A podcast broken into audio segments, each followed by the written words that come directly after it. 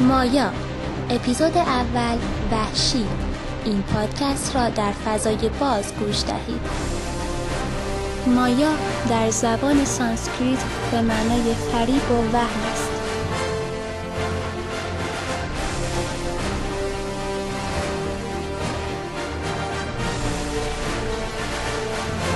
So we had time was. This life of ours.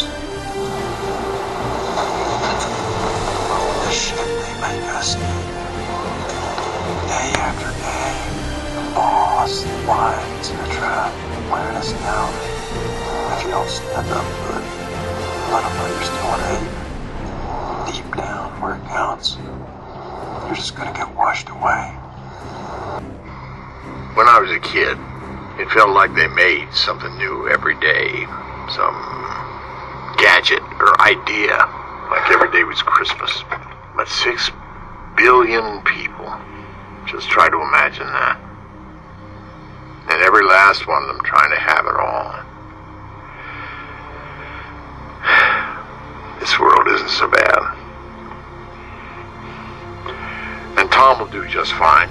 You're the one who doesn't belong. Born 40 years too late or 40 years too early. My daughter knew it. God bless her. And your kids know it, especially Murph. Well, we used to look up in the sky.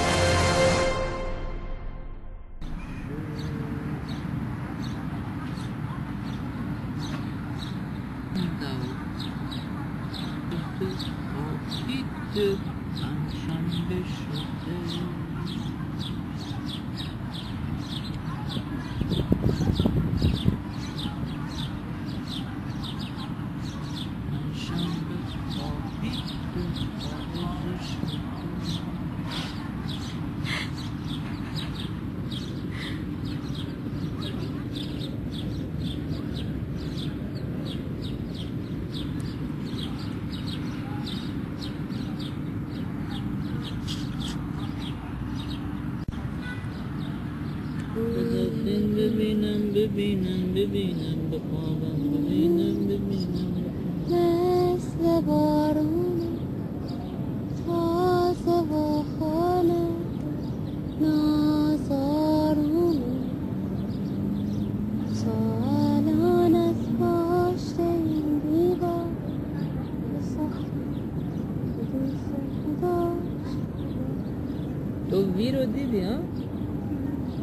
Anastasia, Anastasia. Anastasia. سلامت بهار بیرونه مرغا بی تو باغش میخونه باغ من سبزه همه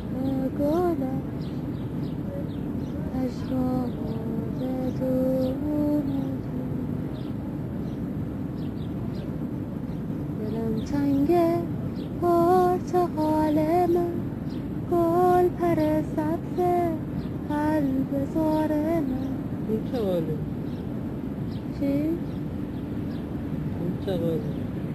Hihi. Miau. Ich gehst Beruna ein, ne? Marezit mukan. Mm.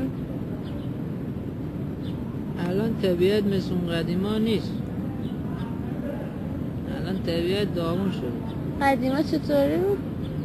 قدیما طبیعت طبیعی بود اینا الان شیمیایی نه هیچ گازش گرفته بود پاشو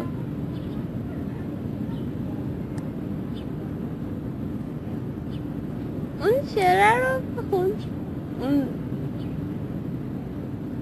اونی که من خیلی دوست داشتم کدوم؟ چی بود؟ گل میزنم از سینم تمام ها سیگاره رو میکنه مخفی؟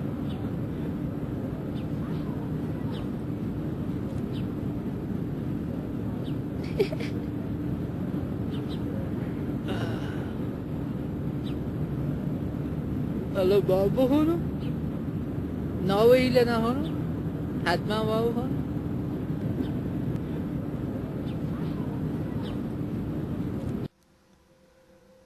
سیگارها را می کنم مخفی وقتی حراست می رسد از راه هر شب اتاقم مملو از ابر است پل می زنم از سینم تا ماه بر راه روهایی که متروک است هی می کشم دمپای خود را باغ ارم در بین شمشادان گم می کنم تنهای خود را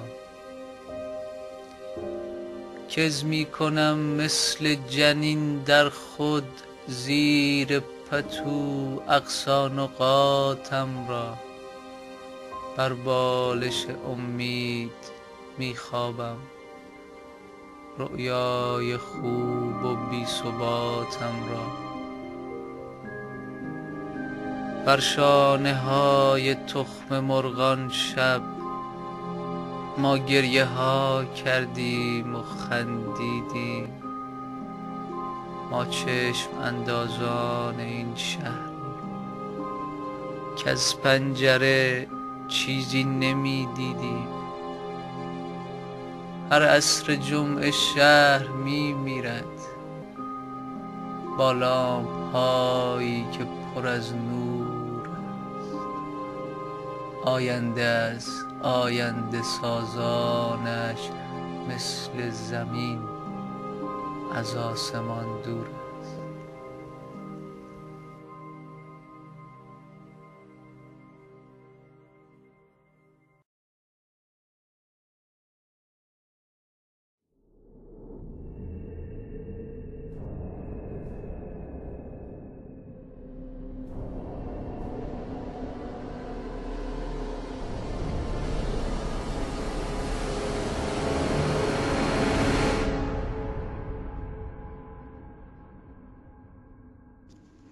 Enlightenment is man's emergence from his self-incurred immaturity.